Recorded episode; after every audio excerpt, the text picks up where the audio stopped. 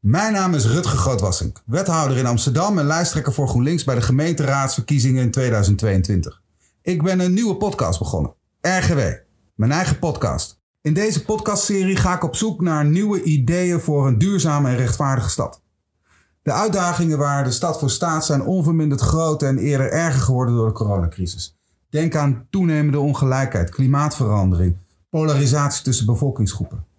Ik wil in deze podcast op zoek naar antwoorden, naar ideeën, naar suggesties voor een betere stad.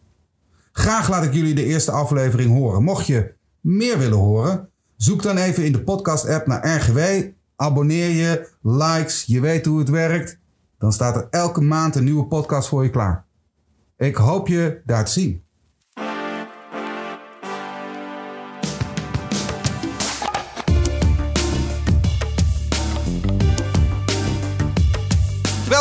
Bij RGW, de podcast van mij, Rutger Godwassik. Uh, en ik uh, ben deze podcast eigenlijk begonnen om met uh, interessante types en andere gasten eens te praten over nou ja, hoe het eigenlijk met de politiek gaat, wat Amsterdam nodig heeft en nou, dat soort dingen. En ik ben heel blij dat mijn eerste gast is Bram van Ooyek, founding father, een van de founding fathers van GroenLinks. Met pensioen. Bram, welkom. Met pensioen, ja. ja wat leuk om je te zien. Ja, Hoe gaat het wederzijds, Rutger. Nou, heel goed. Ik, doe nu, ik breng de ontspannen samenleving... Uh, waar we allebei altijd zo voor waren... breng ik nu alvast in de praktijk. wat heerlijk. Wat, dat kun jij nog niet zeggen, nee, denk ik. Nee, nee, nee. Maar hoe ziet jouw dag eruit, Bram? Nou, mijn dag ziet er sinds... Ik ben officieel uh, 30 maart uh, gestopt. Dus het is nu een week of zes dat ik met pensioen bent. Dat betekent vooral dat je in het veel lager tempo gaat uh, leven, is mijn ervaring. Dus dingen die je vroeger in vijf minuten even tussendoor deed. Boodschappen doen, iemand bellen, een klein stukje tikken, iemand een mail sturen. Dat is nu mijn dagvervulling. Dus daar doe ik nu veel langer over. Dus dan gaat zo'n dag weer toch weer heel snel nou, voorbij. Heerlijk. En je leest waarschijnlijk ook met en zonder, Ja, ik wou net zeggen, dan gaat zo'n dag toch weer heel snel voorbij. Zonder dat je dat dikke boek dan eindelijk gelezen hebt waarvan ik dacht dat ik dat allemaal zou gaan doen. Dus ik lees wel wat meer hoor. Dat, dat moet, dat wat is het laatste ik, dikke boek dat je gelezen hebt? Ik heb net uh, de roman Shuggy Bane uh, gelezen. De winnaar van de Booker Prize. In, speelt in, in, in Schotland. In een, nou ja, je zou kunnen zeggen wat achtergesteld milieu. En ik ben nu net begonnen in... ik lees iets meer romans dan ik, dan ik deed. Ik heb het Rusland van Poetin gelezen. Een beetje een droog boek waar je wel heel veel van opsteekt. Maar daar moet je wel uh, je best voor doen, zeg maar.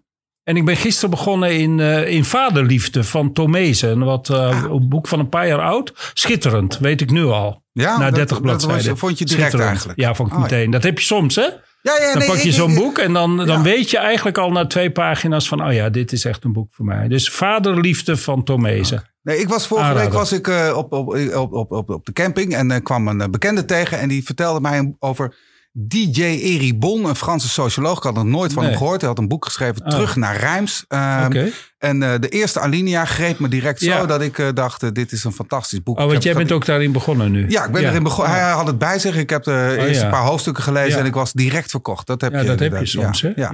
Hey, maar Bram. ehm, eh, eh, Het is geen literaire rubriek, geloof ik, Nee, deze podcast. nee, nee, Hoewel, nee, je weet maar nooit. Nee, nee, nee. Ik ga je eerst wat eh, dilemma's voorleggen. En eh, dan mag je maar één ding kiezen. Zo gaat dat. Dat is vaker hè, met die dilemma's, ja. Groen of links? Links. Diplomaat of politicus? Eh, politicus. Die Wilders vond ik makkelijker dan die eerste. Die vond ik wel moeilijk eigenlijk. Oh ja, waarom vond, je die, waarom vond je die eerste moeilijker? Want je antwoordde vrij snel. Ja, maar goed, omdat ik weet hoe dat spel gespeeld moet worden. Maar het doet een beetje intuïtief. Maar nou ja, maar goed, weet je, daar kunnen we het over hebben. Omdat groen en links natuurlijk onlosmakelijk met elkaar verbonden zijn. Althans in mijn, en misschien ook wel in jouw visie. Maar daar gaan we het misschien nog over hebben. Zeker, maar toch koos je voor links. Ja. Want? Omdat uh, dat een voorwaarde, dat het in mijn zin uh, een rechtvaardige samenleving een voorwaarde is uh, om ook tot een groene samenleving te komen. Uh, terwijl dat andersom niet per se zo is. He, ik kan me wel een groene samenleving voorstellen die niet uh, links is, die bijvoorbeeld heel ongelijk is. Maar ik kan me niet, een, uh, he, ik kan me niet voorstellen. een, een nou ja, goed. Je weet is dat dan bedoel. toch erst komt dat, dat fressen? Nee, kijk, ik denk dat het in mijn geval ook gewoon te maken heeft met hoe mijn eigen ontwikkeling is uh, gegaan. Ik kom zelf uit een echt een klassiek rood nest. En ik ben opgegroeid in een periode dat het ecologische vraagstuk eigenlijk helemaal niet speelde. Dus het kwam er later bij. Het is misschien een beetje een rare verklaring, maar het is chronologisch heb ik me zo ontwikkeld, om het maar zo te zeggen. Dat ik het, het, het hele gelijkheidsdenken, het rechtvaardigheidsdenken is mij echt letterlijk met de paplepel ingegoten. Terwijl later, toen ik lid werd, eerst van de PPR en toen vanuit de PPR bijdroeg aan, aan de komst van GroenLinks, die, dat die ecologische kwestie daar heel erg bij kwam. Maar wel vanuit het idee van die kan alleen worden aangepakt als er ook een rechtvaardigheidsstreven altijd in de politiek zit. Nou ja. Ah, mooi, mooi. Ik ga er nog een paar dilemma's. Wilders of Baudet? Uh, Wilders. Jaren 70 of jaren 90? Uh, oh God. Uh, voor mij persoonlijk de jaren 70. Activist of bestuurder? ik ben meer uiteindelijk misschien toch iets meer een activist. Had je niet gedacht, denk ik, hè? Dat ik dat Jawel, had ik eigenlijk wel gedacht. Okay. Ja, had ik eigenlijk wel gedacht. Want je koos ook al niet voor diplomaat. Dus dan... Nee. Uh, hoe je dat wel geweest bent. En met ongelooflijk veel plezier. Ben je Ik ben uiteindelijk... Ja, maar goed, ik ben uiteindelijk... Dat heb ik mezelf pas eigenlijk achteraf gek genoeg gerealiseerd. Ik heb uiteindelijk twintig jaar bij het ministerie van Buitenlandse Zaken gewerkt. Dus als ambtenaar slash diplomaat. En in die tijd heb ik in het buitenland uh, uh, gewerkt. Maar ook heel veel in Den Haag. Uh, en heb dat altijd met ongelooflijk veel plezier gedaan, ongeacht bijna de minister voor wie je werkte. Natuurlijk had je voor de een politiek meer sympathie dan voor de ander. Dus ik, ik vind het ontzettend mooi. Maar ja, tegen het zijn van politicus, er wordt vaak gezegd, hè, het is een ontzettende eer om volksvertegenwoordiger te zijn of wat dan ook. En dat heb ik ook altijd zo gevoeld. Dus daar kan eigenlijk niks tegen op. Vandaar dat ik koos voor politicus. Ah, vind ik mooi. Uh, nog, uh, nog, nog, nog één. Ja, nee, nog twee jaar. Oh, nog twee. Nog twee. Um, representatieve of participatieve democratie? Ik ben wel een groot uh, uh, aanhanger van de representatieve democratie zoals wij die kennen. En dat heeft denk ik, maar goed. Oké, okay, representatieve democratie dus. Ja. En dan even een actuele. Oké. Okay. Regeren of niet? Ja, regeren. Waarom? Nou ja, dat, ik, ik neem aan dat je dan bedoelt of, dat, hè, dat ja, die vraag slaat op GroenLinks ja, ook, hè, tuurlijk, niet ja. op uh, iets algemeens. Ik denk dat het voor, voor GroenLinks echt heel belangrijk is. Kijk, we, we, zijn nu op zoveel plekken aan het besturen in Nederland. Hè. Dat geldt hier voor Amsterdam natuurlijk, maar dat geldt voor, ik geloof, 100 gemeentes hè, waar, we, waar we in het gemeentebestuur zitten. Dat geldt voor acht uh, provincies, als ik het goed heb. Um, het wordt, vind ik, nu echt tijd om die stap te zetten voor de partij.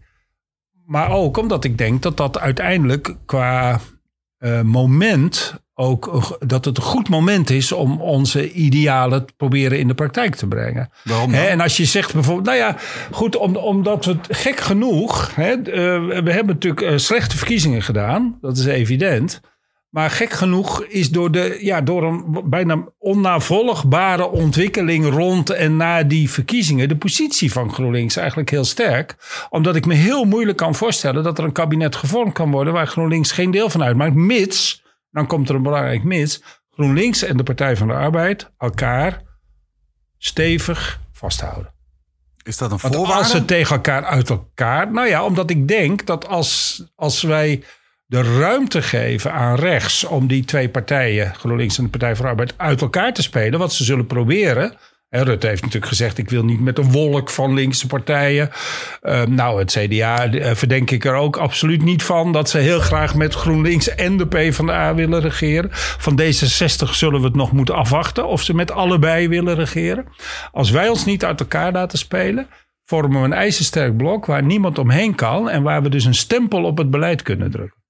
Ja, ik vond het zelf wel, wel, grappig dat, dat, dat als je met, met twee partijen die het toch allemaal niet heel goed gedaan hebben in de verkiezingen. Nee. Hè, dat hoeven we allemaal niet nee. ingewikkeld over te doen. Dat je dan gelijk al een soort wolk bent of zo. Hè? Ja. Een soort dreigende, ja. uh, naderend. Nou ja, dat zei Rutte nog wel voor de verkiezingen. Maar goed, je kunt zeggen, toen wist hij inderdaad misschien niet dat... dat, dat uh, dan kon hij wel een beetje misschien verwachten dat we het niet zo heel goed zouden doen.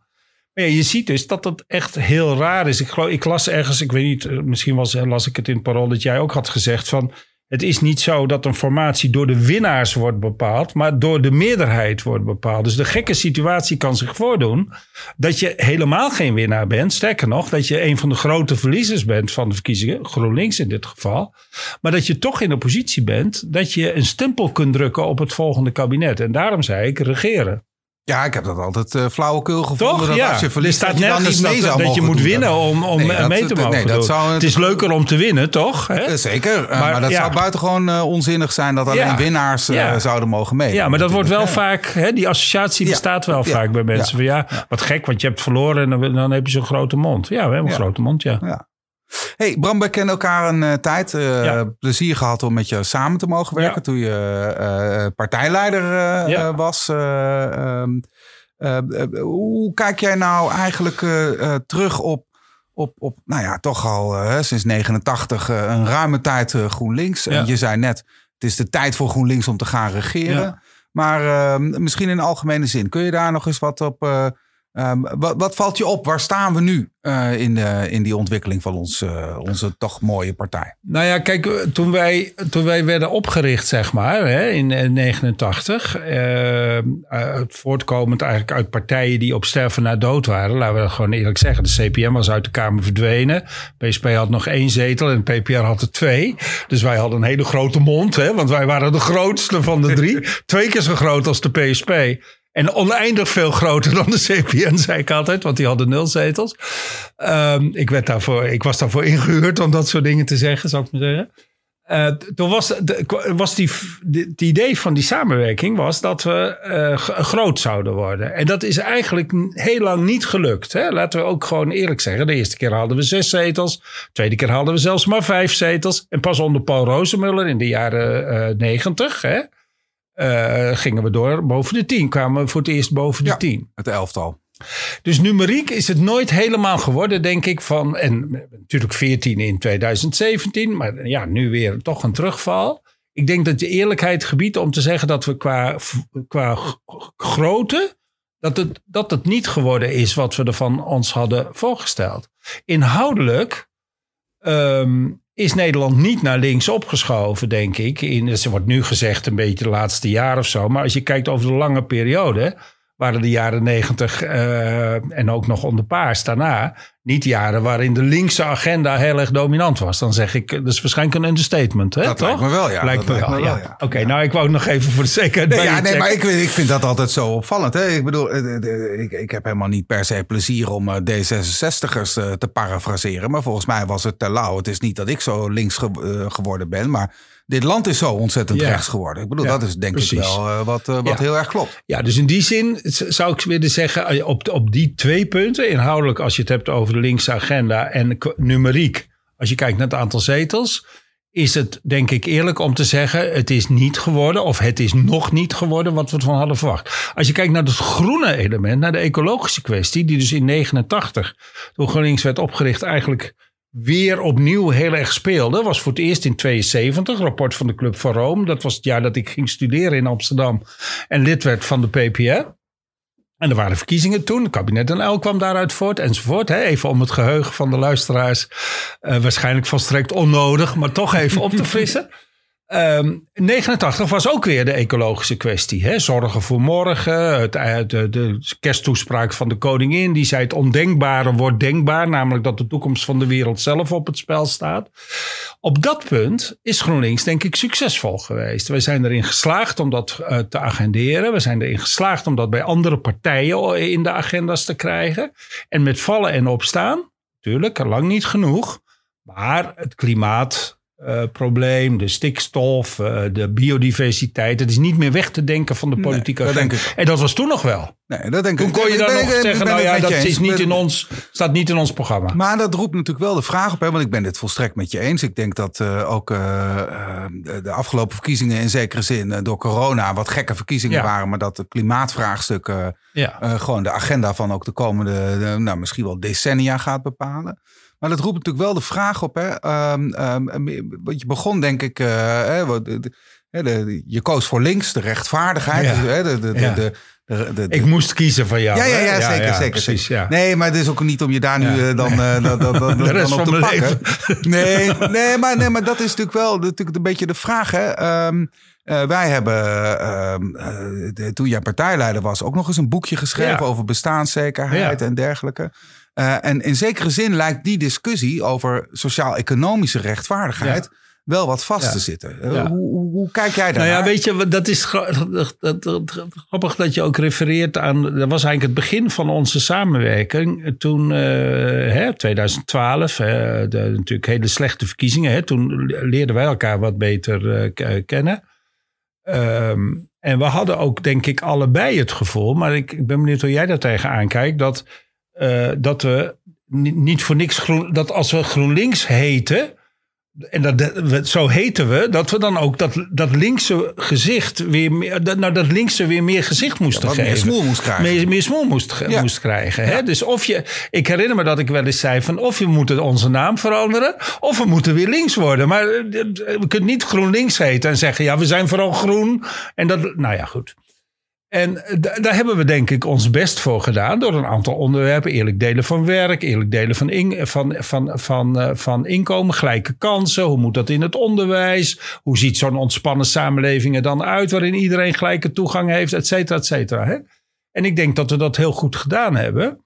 Ja, mogen we in, in alle bescheidenheid natuurlijk best wel van onszelf zeggen. Ehm, maar dat dat niet iets is wat heel makkelijk voortdurend eh, centraal op de agenda te plaatsen is. Voor dit, eh, zoals wij dat toen deden, was ook een soort inhaalslag die GroenLinks moest Mhm. maken volgens mij. En die denk ik nodig was en ook wel herkend werd door mensen. Die zeiden, oh wat goed, GroenLinks heeft een links verhaal. Ja. Niet dat onze voorgangers dat niet hadden, maar wij Nee, nee, investeerden tijd erin Ja, om dat Ja. weer een beetje, nou ja, wat jij zegt, smoel te geven. Ja, maar hoe, dan is natuurlijk nog wel de vraag, hè? hoe kunnen we dat dan nog wat explicieter Ja. maken? En, want in zekere zin, ik heb eh, een, een vrij aardig boekje van jou. Dat is, eh, ik weet niet meer uit welk jaar het is, maar waarin jij eh, eh, volgens mij eh, namens het wetenschappelijk bureau van de PPR pleit voor een eh, basisinkomen. Ja, 2, 384, zoiets. Nee, en, en, en nu was bijvoorbeeld bij het laatste congres van GroenLinks werd er weer een motie aangenomen Ja. over het basisinkomen. Ja. Hè? Die En toen heb ik daar tegen, moest ik daar tegen pleiten. Ja, daar ja. wilde ik je helemaal niet aan herinneren, Nee, dat vond ik ja. lullig voor je. Maar, Ah, ja. want je bent natuurlijk eigenlijk voor. Ja. Nou, ja? Nee, door. ben je daar niet voor? Nou ja, ik ben er wel iets anders over. Ik ben er in de loop der jaren wel iets anders over gaan denken. En dat heeft toch met name te Ja, dat klinkt misschien heel suf. Maar dat, dat heb ik ook op het congres gezegd. Het kost waanzinnig veel geld. Hè? Dus het invoeren van een min of meer volledig basisinkomen kost, als ik me goed herinner, iets van 180 miljard of zo. Hè? Het kan 160 zijn, maar in die orde van grootte. Dus het verdringt. Je kunt het doen. Hè? En, en je kunt het ook geleidelijk doen natuurlijk, waardoor het eh, hè, natuurlijk de financiële last meevalt. Maar het verdringt dus heel veel andere dingen die je eventueel ook wil doen. En daar ben ik wel anders over gaan Ja, denken. je bespaart natuurlijk ook wel. Hè? Die hele toeslagen, Ja. toestand en Ja, zo. Die kun je eruit knippen. Al die eh, Zeker. controle. eh, Zeker, zeker. Maar dan heb je het over, eh, nou ja, op zijn best denk ik enkele tientallen miljarden. Hè? Toeslagen is natuurlijk waanzinnig. Ik weet nog dat ik het eerste, allereerste debat over toeslagenaffaire was in 2013. Althans voor mij, met Frans Wekers. Hè? Ja. Dat weet je ook nog wel. En dat ik voor het eerst, hè, dat ik me voorbereidde op, op dat eh, debat. En dat ik las dat Frans Wekers Nederland- was toen eh, de, de staatssecretaris, staatssecretaris van? Financiën, ja, van, Ja. De, van de Belastingdienst. en ehm, eh, Jesse was eigenlijk onze financieel woordvoerder. Eh, Jesse Klaver, zeg ik dan ook maar. Als Ja, we toch gaan uitleggen. Ja. Hè? Jesse Klaver was onze eh, financieel woordvoerder, maar die was op huwelijksreis. En ik moest hem vervangen in dat debat. Eh, dat- eh, ging over de Bulgarenfraude. Weet je nog? Nou, Ja, gaan zeker. dat niet allemaal... Nou ja, nee, maar dat is natuurlijk... Toen, toen is leerde ik voor het eerst dat er eh 12 miljoen toeslagen werden uitbetaald in Nederland. 12 miljoen. Dus, eh, dus eh, eh, nou ja, kinderopvangtoeslag, huurtoeslag en woontoeslag. Hè? Zorgtoeslag. En t- zorgtoeslag, Ja. sorry, ja. Eh, zorgtoeslag. Dus toen, dan, dan weet je al dat er natuurlijk iets ja, behoorlijk mis is. En dat je inderdaad bijvoorbeeld met een basisinkomen... of met een ophoging van inkomens in het algemeen... eh, Ja, want daar zit dat- maar natuurlijk maar een beetje mijn vraag achter. Kijk, ik, eh, ehm, ik vind een basisinkomen eigenlijk als, als concept een heel interessant idee. Omdat Ja. het natuurlijk in zekere zin Ehm, eh, wij hebben eerder eh, ook wel eens eh, eh, de, de, de vader en zoon Skidelski. Dat zijn twee Britten. De, de, de, de, biografen, leven. de biografen van Keynes. Hè, die Keynes. hebben een boek geschreven, Hoeveel is genoeg? Waarin ze eigenlijk betogen in Ja. lijn met de grote econoom Keynes. dat een basisinkomen best betaalbaar zou zijn. Zeker. Maar dat het eigenlijk gaat over het versterken van de bestaanszekerheid voor mensen. Ja. En als ik, ja, ik vind dat het interessante aan, aan een basisinkomen. Dat, en jij zegt net, hè, hogere eh, inkomens voor mensen. Want dat is natuurlijk nog wel de vraag. Hè? Eigenlijk vanaf de oprichting van GroenLinks en eigenlijk ver daarvoor... zien we toch dat grote groepen mensen in de samenleving... nog steeds Ja. het eigenlijk te moeilijk hebben om rond te komen. Zeker. Terwijl als je naar ons algemene welvaartsniveau Zeker. kijkt... zou dat helemaal niet nodig moeten zijn... als je de ontwikkeling van bedrijfswinsten van grote bedrijven Zeker. ziet... in relatie tot de loonontwikkelingen... is dat Ja. eigenlijk raar. Ja, hoe, dat- hoe kijk jij daarnaar? Nou ja, en dat is precies de reden dat, dat eh, Keynes al, eh, zeg maar, eh, de- ja, inmiddels 100 jaar geleden zei van als we die, die te verwachten stijging van productiviteit en van bedrijfswinsten en zo, als we die verstandig gebruiken, dan hoeven we over twee generaties, zei hij toen in 1920, nog maar eh 15 uur te werken. Zeker. Hè, weet je nog? Ja, ja, ja, maar dat hebben we niet gedaan. We zijn hard gaan werken. En we zijn allemaal spullen gaan kopen voor dat geld. Dus al die productiviteitsstijging van 100 jaar. En, en al die, die, die, die bedrijfswinsten die zijn geaccumuleerd in die tijd. Die zijn gebruikt voor het verwerven van steeds meer materiële eh, rijkdom. Tot op de dag van vandaag. Dat is 100 jaar lang. Is dat een van de allergrootste lijnen. En daar hebben de mensen aan, eh, met de laagste inkomens niet, of althans veel, veel, veel minder dan mensen met hoge inkomens, van geprofiteerd. En dat is de toenemende ongelijkheid en dat is de bestaanszekerheid die in het geding is. En die zou je met een vorm van basisinkomen natuurlijk kunnen bestrijden. Dat is ook een van de redenen dat ik er altijd, jij zegt het ook, het past bij ehm, het soort van samenleving die wij als nou ja, ideaal, of althans het goede leven. Hè? Skidelski sprak daar, als ik goed herinner, Zeker, over het goede zeker. leven. Hè? Hoe ziet dat er dan uit en hoe, hoe kijken politici daarnaar? Dat is heel inspirerend. Daar zou een basisinkomen eh, goed in passen. Zij het, en dan kom ik bij mijn reserves, dat je niet heen kun, komt om het feit dat je dan de komende tien jaar dat je het gaat invoeren, elk jaar 20, 30 miljard eh, apart moet zetten om dat te doen. Een deel verdien je terug door bijvoorbeeld de toeslagen af te schaffen, maar heel veel ook niet.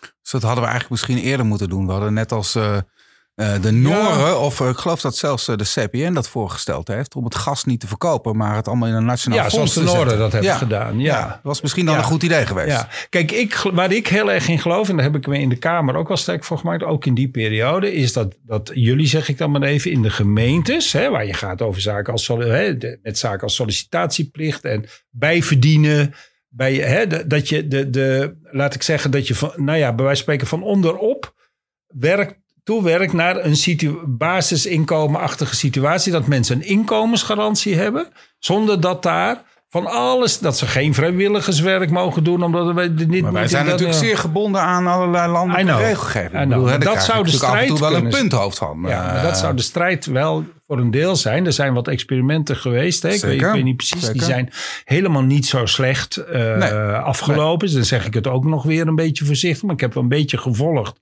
Wat die experimenten. Die waren eigenlijk best hoopvol. En ja, ik geloof dus heel erg in dat je vanuit dat soort. Ook lokale verantwoordelijkheid. In, in, in druk zetten op de landelijke overheid. Dat was toen eh, staatssecretaris ehm, van de Partij van de Arbeid. Kleinsma. die, die, ja, Ja. eh, Kleinsma, die niet heel bewegelijk. eh, nee, die participatiewet hè, de, daarin was. de- die de bijstand die regelt, is natuurlijk een ramp. Nee, in dat was, is een ramp. Ja. Nee.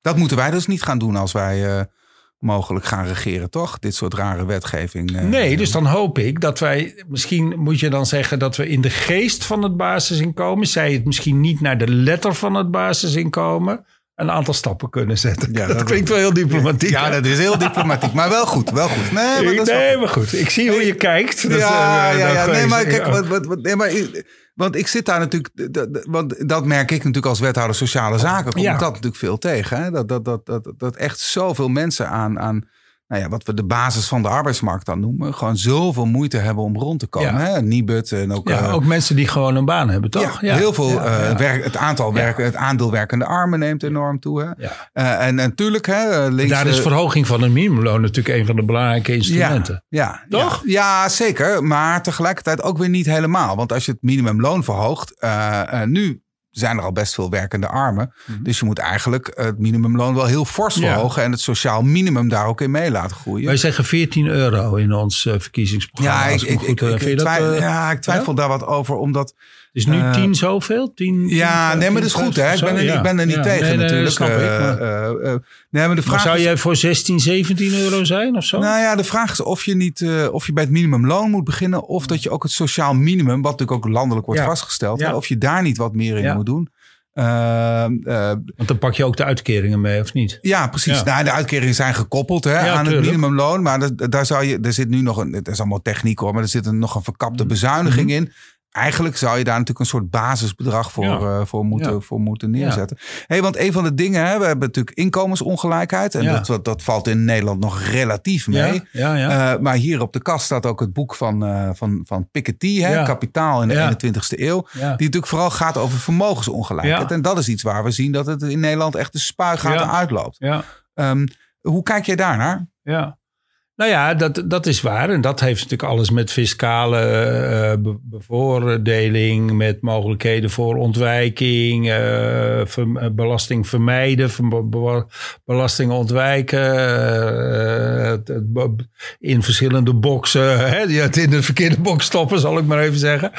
Dus da- daar, dat is, ja, daar, daar is natuurlijk echt, als je het hebt over de, de, de klassieke kapitaalarbeid, dan kun je natuurlijk gewoon zien, los van of je nou Marxist bent of niet, of dat, dat de factor arbeid veel. Hè, we hadden het net over die pro, Eigenlijk weer eens iemand die gewoon over kapitaal en arbeid pro, praat. Is productiviteitsstijging. Dus Ja, we hadden nee, het net over goed. de productiviteitsstijging de afgelopen honderd jaar. Hè? Dan zie je gewoon, dat is objectief heel makkelijk vaststelbaar. En daar is, heeft Piketty natuurlijk ook, de factor arbeid daar veel minder van heeft geprofiteerd dan de factor kapitaal. Dat is bedrijfswinsten, ook nu weer. Hè? Ook nu weer, als je ziet hoe er door bedrijven van de coronapandemie wordt geprofiteerd, dan zie je gewoon de aandelenkoersen en de, de winsten die aandeelhouders boeken eh, als ze hun aandelen verkopen, eh, de pan uitreizen. Terwijl ja, mensen die hun baan kwijtraken eh, op een, op een uitkeringje zijn aangewezen. Dus ja, daar ligt echt ook weer een links, daar ligt natuurlijk een belangrijke linksagenda. Ik denk wel eerlijk gezegd dat GroenLinks daar heel goed op, ook in de Tweede Kamer een aantal eh, initiatieven heeft eh genomen. Erfbelasting vinden we nog steeds ingewikkeld, geloof ik. Hè? Wat zeg je? Erfbelasting vinden we nog steeds ingewikkeld. Hè? Ja, dat zou kunnen, ja. Ja, ik geloof niet dat wij zijn precies. voor het Nee. eh, groot belasten van erfenissen. Wat ik zelf nog steeds... Ja, Hè, Ja. Eigenlijk is het een heel liberaal standpunt. Ja. Hè? Als je vindt dat Ja. iedereen een gelijke start Ja, moet hebben... dan moet je ja. erfenissen gewoon je, zwaar bedoelt, je belasten. zou willen verwachten dat we daar de VVD makkelijk aan onze kant, eh, Dat- aan onze kant krijgen. kijk, ik, bedoel, nee, maar ik vind wel Ja. dat we discussie zouden moeten Ja. voeren hoeveel Nee, mensen goed. kunnen erven.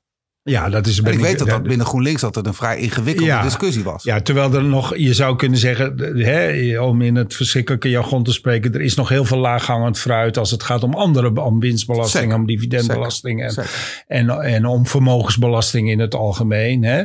Daar zouden we natuurlijk nog heel veel kunnen doen. En daar zet eerlijk gezegd GroenLinks ook grote stappen in het verkiezingsprogramma. Maar daar hebben we ook in de afgelopen jaren natuurlijk wel degelijk een aantal eh, eh, eh, successen geboekt. Hè? Ook in de, bijvoorbeeld in de strijd tegen de afschaffing van de Zeker. dividendbelasting. Kun je toch zeggen dat dat vanuit de oppositie een belangrijk wapenfeit is geweest. Waar we echt wel Nee, op, onze, op onze credits, hè, maar onze credits van Onze van konto mogen- schrijven, Oh ja, op ons hè? konto. Ja, dat, ja, ja. dat woord zocht ik. Ja. Dus daar is nog, dat klopt, daar, daar, is nog, eh, daar is nog veel te doen. Ik denk aan de woningmarkt, hè, waar ontzettend Ja, maar daar speelt veel vermogen natuurlijk een enorme rol. Hè? Bijvoorbeeld in rol. Amsterdam is Ja. eigenlijk als je niet eh, vermogende ouders hebt die, Ja. eh, die, die, die je ter hulp schieten, dan eh, wordt Ja. het wel moeilijk om hier een huis te kopen. Ja, en dat is zo. eh, Ik heb het toevallig, als, ik- als ik gewoon één persoonlijke ervaring mag eh, zeggen. Hè, het- het- ik woon op de Postjeskade, hè, bij het, eh, in de hoek. Ja, ik weet niet of je dit moet vertellen, het- maar nou, nee, je bent zo'n lieve man. Dat, bij dat- het Surinameplein. Ja, ik hè? Zeg het ongeveer daar in de buurt.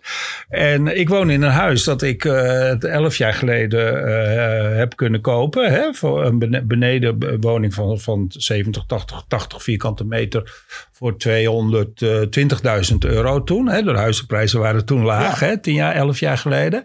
Nu heb ik buren gekregen, jonge mensen, die huren precies hetzelfde huis als wat ik uh, heb, van een huisjesmelker voor 1400 euro in de maand. 1400 euro in de maand. goedkoop in Amsterdam. Ik vind het ongelooflijk dat Ja. dat kan Ja. in een stad die door links bestuurd wordt. Ja, ja nee, maar daar ben ik met je eens. Ja, maar nee, is- maar je- dan moet je er iets aan doen. Ja, maar potdomme, dat is natuurlijk wel de ellende. Dat we hier een kabinet hebben eh, eh, wat echt ons kan de gemeente daar nou niks aan Nee, doen? daar kunnen we echt helemaal geen bal aan doen.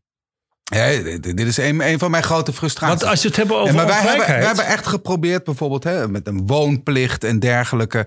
Eh, en die beleggers een beetje in de tang te Ja. nemen. Nee, maar eh, het eh, kabinet onder leiding van de minister Ollongren geeft Ja. hier echt niet thuis. Nee. Nee. nee, maar dit is mij natuurlijk een grote Ja. een, een doorn in mijn Nee, oog. we- weet je, nee, dit is maar, nee, maar dit is concreet, bizar. hè. Huren is dus duurder dan koop. Nou, dat niet is een beetje duur, niet een- niet een absurd. duurder. Nee, maar dat is... Dat Dit gaat dus over ongelijkheid. want- daar schrijft Piketty ook heel veel over. Hoe we het hebben van woningen Nou, maar ik, ken en nog andere, ik ken nog andere voorbeelden. Een jongen die, die, die je vast. kent, die, die, die, die heeft een contract voor, eh, voor, voor, ik geloof, 500 euro per maand. Omdat hij daar al heel lang woont. Particuliere verhuur. Hè? En die krijgt 25, 30 eh, ruggen aangeboden om, eh, om op te zouten. Want dan kan die, die eigenaar dat Ja. natuurlijk gewoon vertimmeren. en daar dus ja. gewoon 17, 1800 euro voor vragen. Nee, maar dat is natuurlijk dat is, dat is afgrijzelijk. En dat is natuurlijk een, een, een, een, een. Als je het hebben over ongelijkheid. dan kunnen we het natuurlijk hebben over vermogen. en over. over eh, erfbelasting. En daar kunnen we fiscaal misschien proberen iets aan te doen. Maar zolang zo'n woningmarkt bijvoorbeeld zo eh, bijdraagt aan, aan een explosie van ongelijkheid. Want dat is het eigenlijk. Want iedereen moet wonen. Zeker, Hè? Ieder- zeker. dat is nou Zeker. net een, ba- Een- dat is een nou een basisrecht. basisrecht. Ja, dat is en een basisrecht, basisbehoefte. Hè? Dus ik, nou ja, weet je, ik kan er gewoon niet over uit eigenlijk soms. Hè? Dan, dan heb maar- ik nee, nieuwe, nee, nieuwe buren. En elke keer als ik die mensen... Nee, maar die dan, aardig- dan even om het te compliceren, hè, want dat vind ik nog wel een ding. eh, ehm, eh, want tegelijkertijd zie je natuurlijk ook dat de flexibilisering van de arbeidsmarkt daar ook weer mee samenhangt. Ja. Hè, dat, dat vind ik dus ook heel ingewikkeld. Dat je sinds, eh, wat is het, dat tweede akkoord van Wassenaar, waarin de vakbeweging en de werkgevers met het kabinet hebben afgesproken.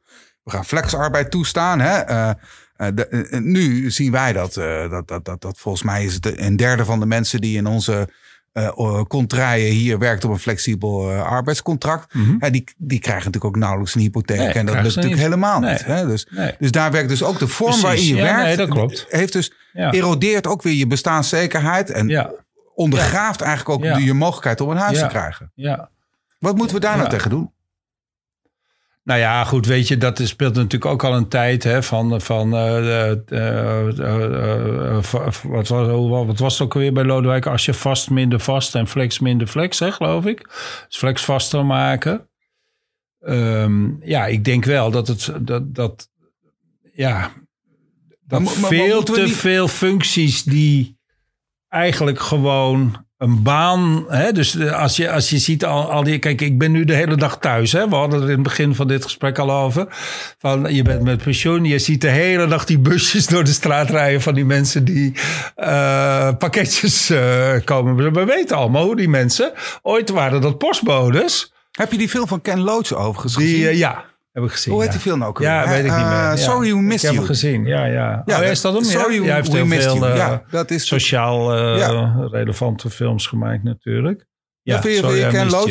Ja, ja, zeker. regisseur, hè? Ja, zeker. Ja, maar Sorry We Missed You gaat over zo'n pakketbezorger I know, die een ja, bus moet kopen. En, ja, eh, en, ja. en hebben we weten allemaal, dit is natuurlijk voor een heel, een heel simpel beeld van, de, het- vroeger werd de post bezorgd door de postbode die in dienst was hè, van, nou ja, van, de, van de PTT. En nu zijn het pakketbezorgers die, eh, die, kle- die kleine zogenaamde ZZP'ers zijn en die eh, als ze een pakketje niet kunnen afleveren geen geld krijgen, hè, om het even eh, simpel te zeggen. En dan inderdaad geen vast inkomen hebben, dus geen hypotheek. Dus het, het begint natuurlijk met, met ja, zolang de arbeidsmarkt ehm, eh, libera- vrij is, in de zin van dat je niet kunt zeggen tegen iemand van. Dat is helemaal geen flexibele baan. Dat is gewoon een normale vaste baan die jij flexibel hebt gemaakt omdat het jou beter uitkomt. Ja, zo denken wij niet, hè? Zo denken wij niet, toch? Er is Zouden we geen, da- zouden we daar denk niet ik wat wel. mee Ja, moeten? dat denk ik wel. Dus ik denk dat als je de toekomstige minister van Sociale Zaken zal moeten proberen. Maar wat is je om, voorspelling? Wie is de toekomstige om, minister van Sociale eh, Zaken? Ehm, oh jeetje, ja, dat heb ik nou even niet eh, meteen. dus het, het idee is volgens mij dat Wouter Koolmees graag naar eh, financiën wil. Hè? Ja, Ja, dat denk ik ook. hè? Dus dan, Hoewel, het, eh, hoewel ik het, eh, ik bedoel, ik mag graag mopperen op dit kabinet, maar Koolmees is prima minister van die is, Sociale dat, Zaken. dat geloof ik ook eigenlijk wel. Hè? Ja, bovendien is dat ook gewoon een, een aardige gast. Hè? Die eh, Zeker. normaal communiceert ook. Hè? Ja, maar dat is misschien toch ook wel belangrijk. Hè? Die Ja. normaal praat en zo. Kun je redelijk goed volgen allemaal wat hij zegt en zo. Dat is best belangrijk. Eh, het, het, het sociale zaken, ja, misschien, het zal, eh, ja, misschien kan de PvdA... eh Moet GroenLinks dat niet claimen? is, eh, Als we het dan toch hebben over het oppoetsen van het eh, linkse blazoen. ja, daar hadden wij het over. Hè? Daar hadden wij het er toen over. Ik weet niet of dat nu nog eh, de topprioriteit is. Nou ja, kijk, ik geloof dat het misschien niet echt een geheim is dat eh, eh, GroenLinks toch ook wel heel graag aan de knoppen van het klimaatbeleid eh, zal gaan zitten. Ja, En dat is nu natuurlijk gekoppeld dat aan economische- Dat is toch een mooie combinatie? Ja, maar dat is misschien zelfs wel een beetje veel al dan meteen. hè. Als je en Ah, ja. E- econo- EZK is het nu. Je kunt dat natuurlijk weer opnieuw gaan indelen. Ministerie van Duurzaamheid of zo. Maar dat moet in ieder geval een zware kabinetspost worden. Dat lijkt me. En dat is sociale zaken natuurlijk ook. En ik weet niet of we zo groot zijn dat ja. we twee zware sociale, twee, twee- zware ik zou het kabinetsposten wel wat vinden. kunnen zou het claimen. wel Ja, ja. Ja. Zou het niet meer iets voor Mariette Hamer zijn? Die gaat nu de formatie leiden, begrijp schijnt, ik. hè? Dat gerucht heb ik ook gehoord, goed. ja. ik, ik vind dat wel mooi. Zou de goed. PvdA niet, om, die wil natuurlijk heel graag. Kijk, als wij nou met klimaat, eh, zeg maar, een Ja, maar ik gezicht vind niet dat wij... Nee, maar ik vind niet... Nee, Nee, maar dan, dan, dan trappen we in Komt dezelfde... omdat jij eh, voor links, jij het- nee. omdat, omdat je moet kiezen tussen groen en links. Maar het zou best eens kunnen dat, het, dat GroenLinks nu in de formatie ook straks moet kiezen tussen een groene en een linkse post. Ja, maar dan, doen wij de mi- eh, minister van, eh, van Klimaat en een staatssecretaris Sociale dat Zaken. kan. Dat, zou, dan nog kunnen. Dus dan krijgen wij de sociale zekerheid. Dan kunnen we dat basisinkomen Want, de komende want acht je, want bent het, je bent het wel met me eens, hè? Want dit, we zitten nu een beetje, een beetje te ahoeren. Uh, Dat zijn jouw woorden, hè, Rutger? Oh god, jezus. Man, je bent geen politicus meer. eh, niet zo braaf. eh, zo ben je helemaal niet.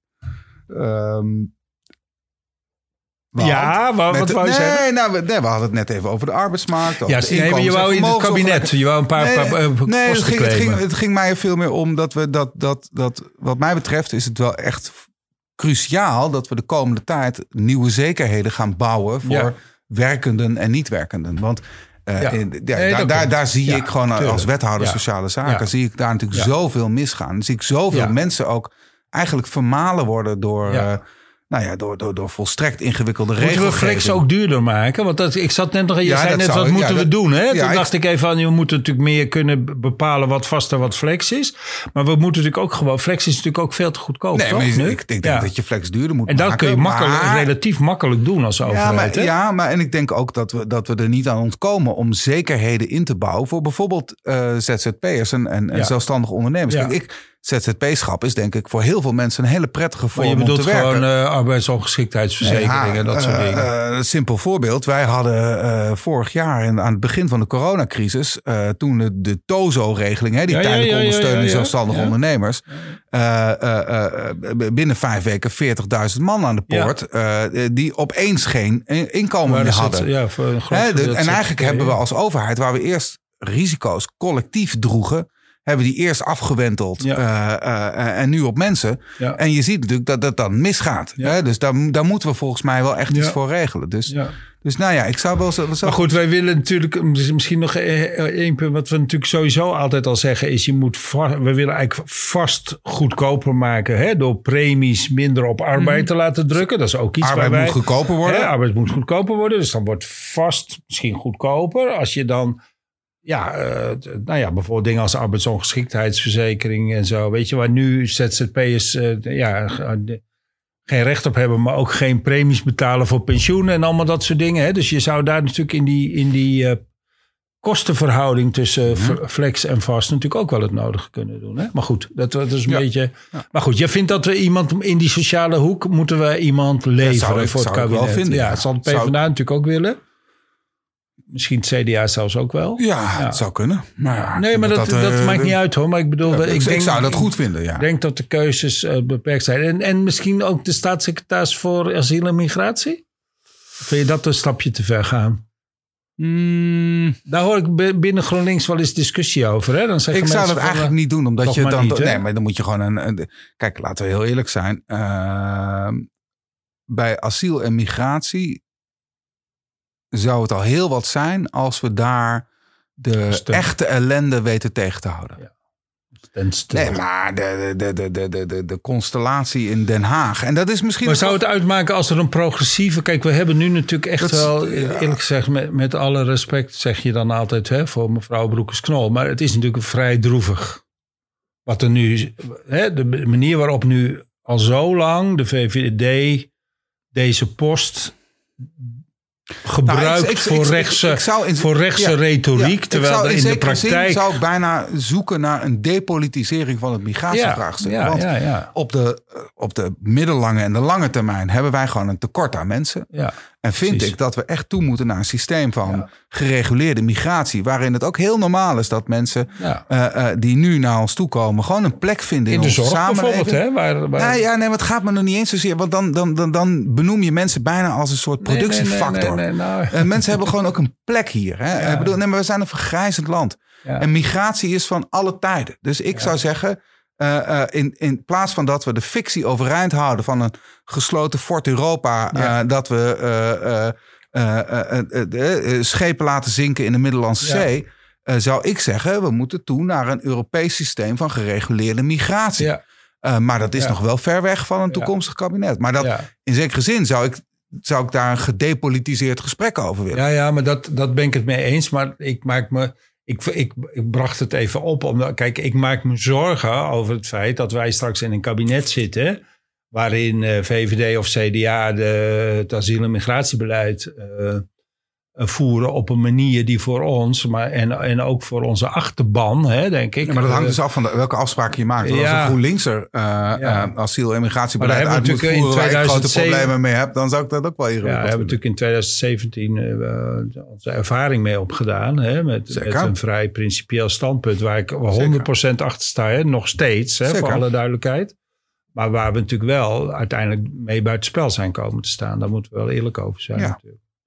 Ja. Maar goed, dat is dan het risico dat je loopt. Ja. Nou ja, daarom, zeg ik, daarom breng ik het op. Want ik heb zelf wel eens gedacht van misschien moet je wel een soort eh, vlucht naar voren maken. En zeggen van... maar dat kan alleen als je hele goede afspraken Laat ons dat maar doen. Ja, die, die, maar goede goede afspraken heb je sowieso nodig. Zeker, Ook als zij het zeker. gaan doen, zou ik maar zeggen. En, en Ja, als de des Tweede te meer als wij Kamerfractie waardeloze afspraken maakt... dan wordt het een eh, gezellig congres, nee, maar zullen goed, we maar ja, zeggen. De Tweede Kamerfractie zal natuurlijk zijn uiterste best doen. Maar Dat neem ik aan. Daar gaan we maar van het is praktisch. Het is een goed, dat is heel goed. Een betere organisatie van de asielketen. En inderdaad wat gede, gedepolitiseerd er naar kijken. Vandaag zei de, kwam de, de eh, adviescommissie. Vreemdelingenzaken... met de 56.000 vacatures in de zorg... Hè, die door eh, migranten zouden kunnen worden vervuld. Als ik het goed eh begrepen heb. Dat is ongelooflijk potentieel. Terwijl nu staan die mensen Ja, wat mij betreft geeft dat vooral aan dat, eh, dat dit land migranten nodig heeft. Zoals Ja. dit land altijd Ja, migranten heeft nodig gehad. Hè. Vind ik interessant. Hè? Ik ben onder andere wethouder diversiteit. We hebben een, een programma gedeelde geschiedenis. Hè? Want tegenwoordig is het uh, klaarblijkelijk bon ton voor allerlei eh cryptofascisten en andere rechtsextremisten om terug te verlangen naar een soort eh, eh, blank Nederland of Ja, zo. Waar, ja. Dat is natuurlijk allemaal flauwekul. Want als je Ja. kijkt naar de VOC-schepen, dat waren natuurlijk allemaal helemaal geen Nederlanders. Hè? De kapiteins waren Nederlanders. Verder waren dat natuurlijk allemaal mensen uit Oost-Europa, ja. eh, Scandinavië, Huurlingen. de Baltische Staten. Ja, nee, maar Nederland is natuurlijk een migratieland bij uitstek. Dat is natuurlijk nooit anders geweest. Ik bedoel, er is natuurlijk... eh, ja, ik bedoel, misschien dat een, een, een, een verdwaalde Fries of een, eh, Ja. of, een Volendammer. eh, Ja. Eh, maar verder is natuurlijk iedereen door migratie eh, beïnvloed. Hè? hey, maar even wat anders. Ehm, ehm, eh, wanneer ben je hier komen wonen in Amsterdam eigenlijk? Inmiddels zes jaar geleden of zo. En, maar je had hier gestudeerd. Dus wanneer ben je voor het ja, eerst oké, gekomen? voor het eerst in 72. Hè, toen ben, dat was het jaar dat, dat, dat ik ging studeren. Ik was 17. Ik kwam uit Veenendaal. Veenendaal, ja. Niet de meest ja, swingende plek van Nederland. to say the least. En ik, ik ging hier... eh, ja, ik ging gewoon economie studeren. En eh, dat ging echt... Hoe was nou ja, dat? geweldig. Maar welk ja. jaar was dat nou, zei je? 72. 72. Ja. Ja, want je, je had net een voorkeur voor de jaren 70 boven de jaren Ja, 90. precies. Nou ja, dat zal daar natuurlijk toch wel mee te maken hebben. Dat, dat, we- dat we, ik, heb de, ik heb toen de rest van dat decennium over mijn studie gedaan. Dat komt toen ook allemaal nog. Is dus dat ik wat, heb het- wat, wat, wat Sartre noemt eh, de, de jaren des onderscheids? ja, dat denk ik wel. Ja. ja. Nee, dat was voor mij natuurlijk echt. Ja, dat, daartoe heb ik wel. Ja, dat is wel echt een periode in mijn leven. Als ik moet kiezen tussen de jaren negentig, kan ik me bij spreken weinig meer van herinneren. Nee, dat snap ik. In- in nee, maar, relatie nee, maar ik vraag het, hè? Want, want, het want- gevoel van vrijheid, hè? daar ging het natuurlijk Ja. Nee, ik vraag het ook omdat de stad is natuurlijk wel eh, echt veranderd. Uh, Ja, laten we gewoon even kijken, bevolkingssamenstelling en Ja. opzichten. ja. Uh, hoe, hoe, hoe, hoe, hoe was Amsterdam toen voor jou? Ja, nou ja, weet je, Amsterdam. Ik woonde, mijn eerste studentenkamer was in de Cornelis Trooststraat. Dat was nog de oude Rij, bestond nog. Hè? Dus het was eigenlijk een beetje in de schaduw van de oude Rij. Daar was ook mijn, eh, mijn eh, hoe heet dat, eh, aankomst als student. Dan al die studenten kwamen in de oude Rij bij elkaar. Ja, dat zegt alleen de oudere Amsterdammers echt nog, eh nog Ja, iets, ik heb geen flauw idee. denk ik, nee. Dat was dus de nieuwe Rij- de Rij, dat zoals die, wij die nu kennen, bestond nog niet. En dat was de oude Rij. En dat was in die buurt. Cornelis Troostraat, weet je Ja, wel ongeveer zeker. waar dat Ja, is? ken Ja. ik. Kijk, in mijn herinnering, Amsterdam was altijd een diverse stad. En dat kwam door de studenten. Want de studenten woonden overal in de stad. Die woonden overal op die kleine kamertjes. Dus het, het, ik ben later, eh, ik heb toen twintig jaar in, in eh, Amsterdam gewoond. Ben toen naar Den Haag verhuisd. Den Haag is geen, eh, daar is geen vermenging, zal ik maar zeggen. Gesegregeerde, gesegregeerde stad, Ja, dat is het woord. Ja. Dus eh, ook toen al was Amsterdam in mijn herinnering. Maar goed, ik kwam uit Veenendaal, dus laten we eerlijk wezen. Ik was ook weer niet zoveel gewend qua multiculturaliteit.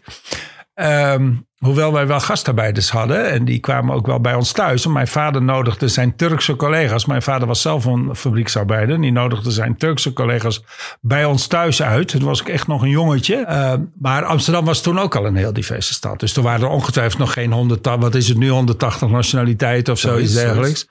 Maar ik heb het wel vanaf het allereerste moment als een, eh, als een eh, eh, vrije en diverse en mm, ja, multiculturele klinkt misschien een beetje stom in die tijd. Maar dat voelde wel zo. Mhm. Een stad waar alles kon, waar, waar, al- waar Nou ja, je maar iedereen, dat- waar je maar dat- iedereen tegenkwam. Maar dat waar denk ik heel erg- niets te gek was. Waar, waar, Maar ik denk dat dat heel erg het beeld is dat, dat we ook graag van Amsterdam maar hebben. dat En, eh, beeld klopte volgens en- mij ook wel. Ik denk dat dat nog steeds klopt. Tot En we gingen natuurlijk rellen tegen de aanleg van de metro en zo. Dat was ook een beetje die tijd. Hè? 73 was dat geloof ik dat op zijn, op zijn Ik hoogte. geloof dat jij bij, bij, bij, bij, bij Koningsdag 1980... daar moeten we het misschien niet over hebben, geloof ik. Hè? Slag bij de Blauwbrug zullen we het maar niet over hebben, geloof Ja, ik. ik was daar allemaal wel. Ik was niet heel erg eh, Nee, in de voorhoede hoor. Nee. Ik volgde het allemaal wel goed. Dat snap ik, dat snap ik. En die Koningsdag herinner ik me nog heel goed, ja. Hey, maar in, want ik, ik vraag het eigenlijk... Ja, hè, waarom om- vraag je het eigenlijk? Nou, omdat ehm, ehm, ehm, ik ben eigenlijk heel erg. Als ik naar Amsterdam kijk, hè, een hyperdiverse stad waarin eigenlijk geen logische meerderheid meer is.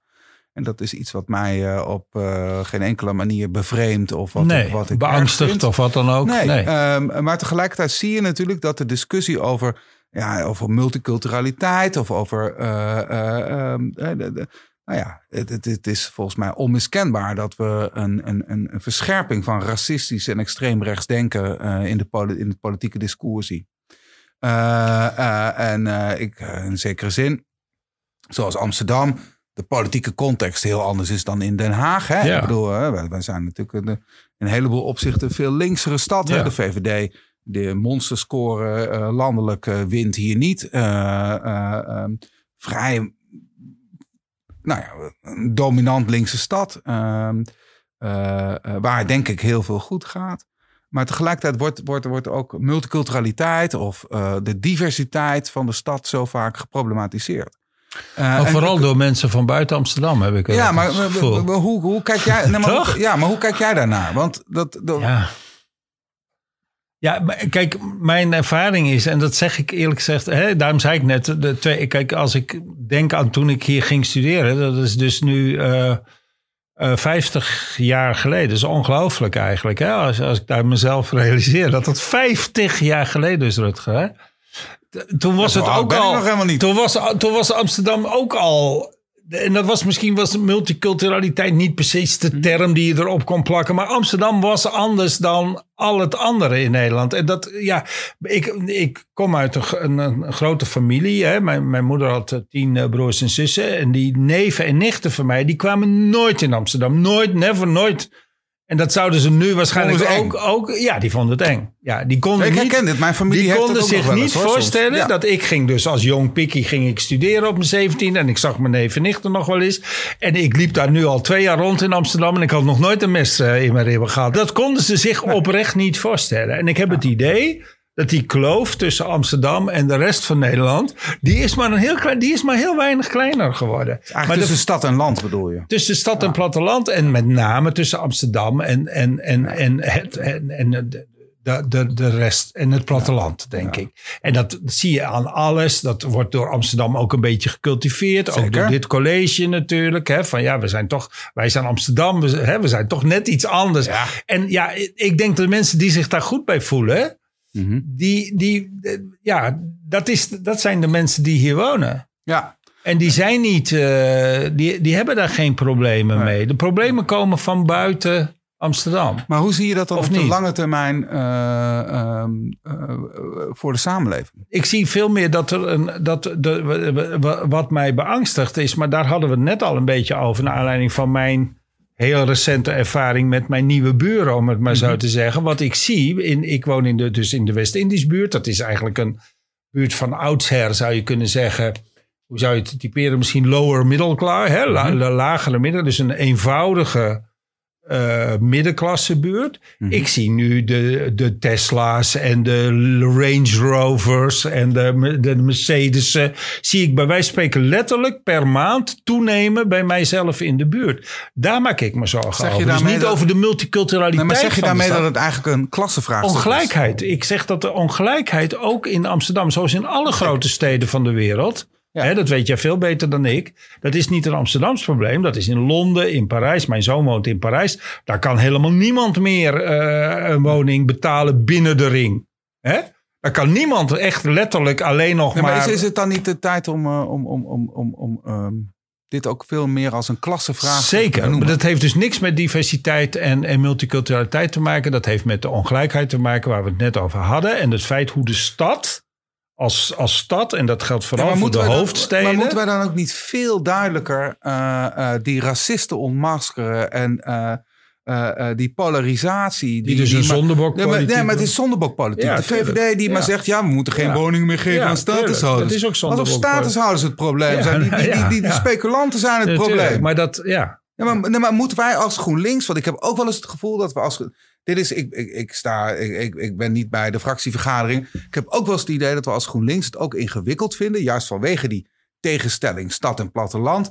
eh, dat wij eh, niet durven te zeggen: het zijn gewoon fucking racisten en die moeten we ontmaskeren. En de Nou. VVD gaat daarin mee. En we moeten ophouden met die zondebokpolitiek, waarin we mensen die misschien een andere afkomst hebben. eh, en, eh, nou, misschien is het mijn persoonlijke frustratie dat ik wel de- vind dat Ja. we daar soms wat scherper op Dat zou kunnen. zijn. Dat zou Eh, kunnen, maar we zijn bij uitstek natuurlijk wel een partij die zich niet al te zeer be- bekommert en ook niet hoeft te bekommeren over wat ze op het platteland van ons vinden. Laten we ook dat gewoon heel eerlijk zeggen. Mhm. We zijn natuurlijk wel echt een grote stadspartij.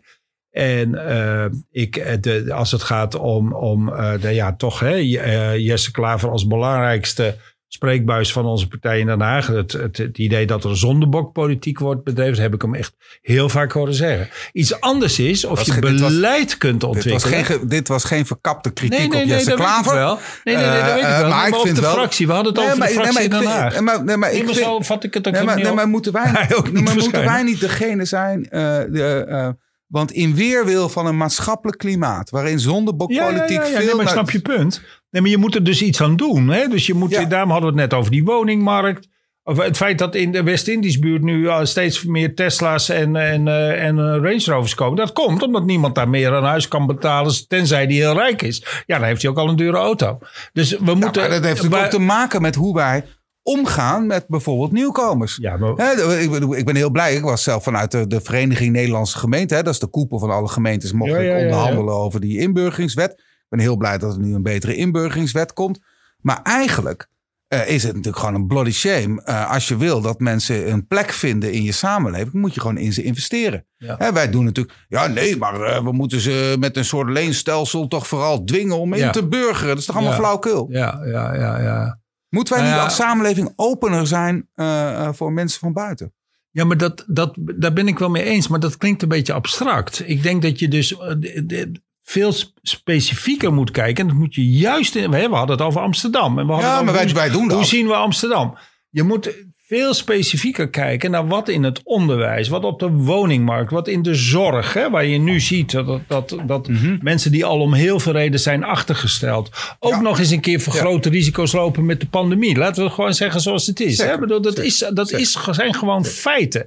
En die feiten laten wij door, benoemen door eh, Geert Wilders en, en eh, Baudet. En dan zeggen we, ja, wat erg. Want ze, ze zeggen dat er op de IC's meer, eh, eh, hè, me- meer Mhm. Ja. mensen met Ja. van allochtone achtergrond of wat dan ook. te- terwijl we moeten, we moeten erkennen dat die, klo, die, die kloven in de zorg, in het onderwijs, op de woningmarkt steeds groter zijn geworden. En dat dat het grote punt is dat de stad bedreigt. Dat, de, dat, de, ehm, het, dat het samenleven in de stad bedreigt. Ja, En volgens mij ben ik met je concreet eens. Nee, maar dat- concreet zijn. Nee, maar dit ben ik met je eens. Hè? Want dit is, dit is inderdaad kun je de in de tegenstelling. gemeente Nee, maar dit, dit, dit zijn klassentegenstellingen die de, die, de, die de eenheid in de stad bedreigen. Ja, Ben die met je eens. bedreigen de eenheid Maar tegelijkertijd is er ook een culturele component waarin Ja. extreem rechts en, Ja. en, en, en Maar is fascistoïde rechts Amsterdam niet zo relevant. Jawel, want hij is de, de Haagse context is relevant. Nee, maar als, als, als eh, eh, eh, zie wat er gebeurt op het moment dat wij het hebben over eh, eh, eh,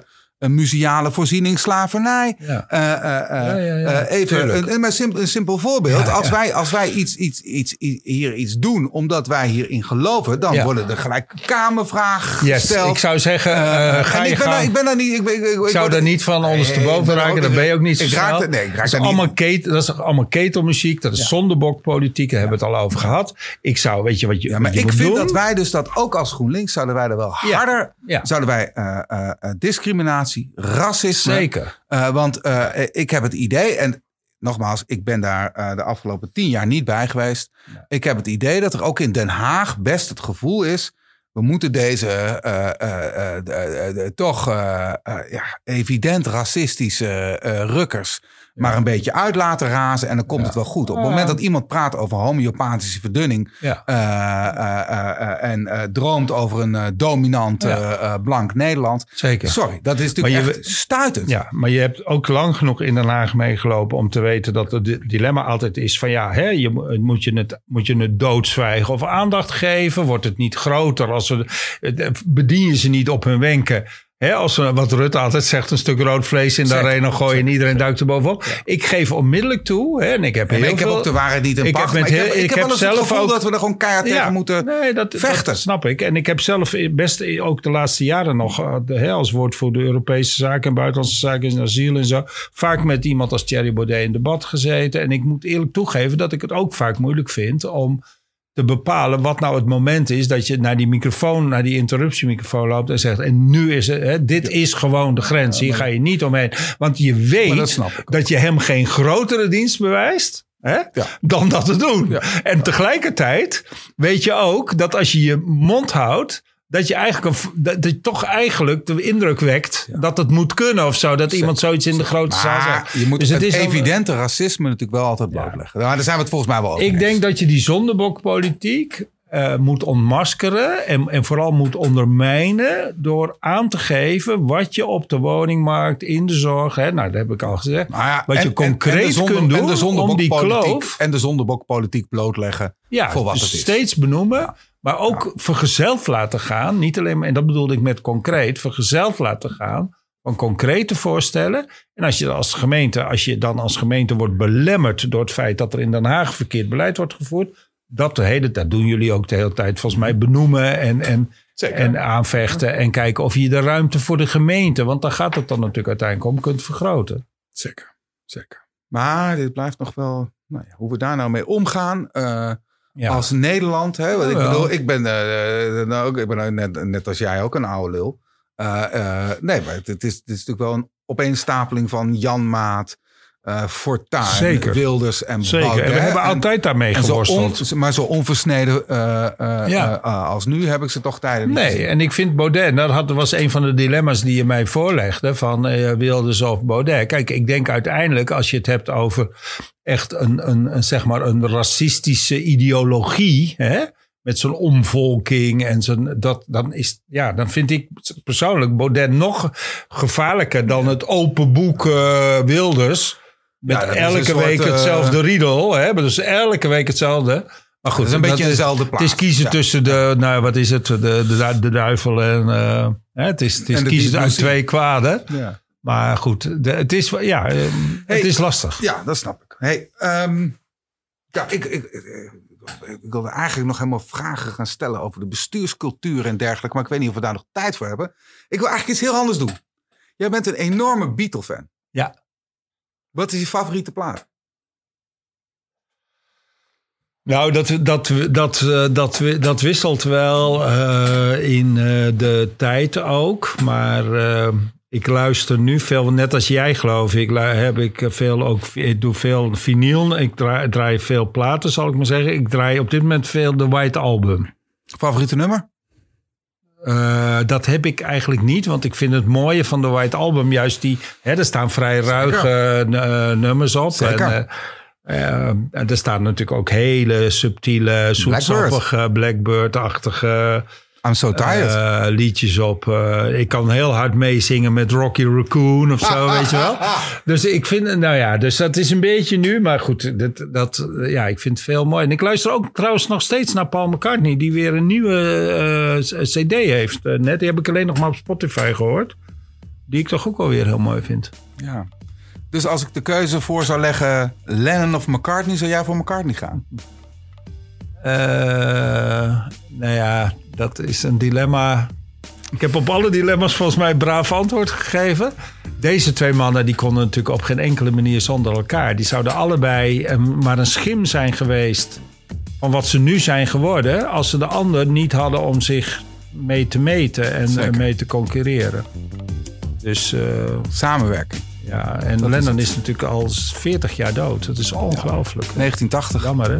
Ja, 8 december toch? Ja, 8 december 1980, 1980. Doodgeschoten door Mark Chapman, geloof ik. Chapman, ja. Ja. Nou, idioten. Die hebben we helaas ook in de politiek.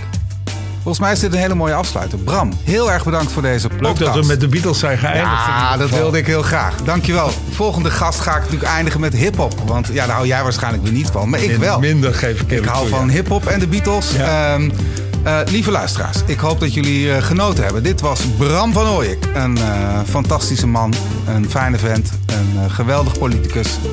Ehm, en ik was blij dat je hier was bij de RGW Was Podcast. genoeg, Rutger. Dus graag luisteraars tot de volgende keer. Dank jullie wel.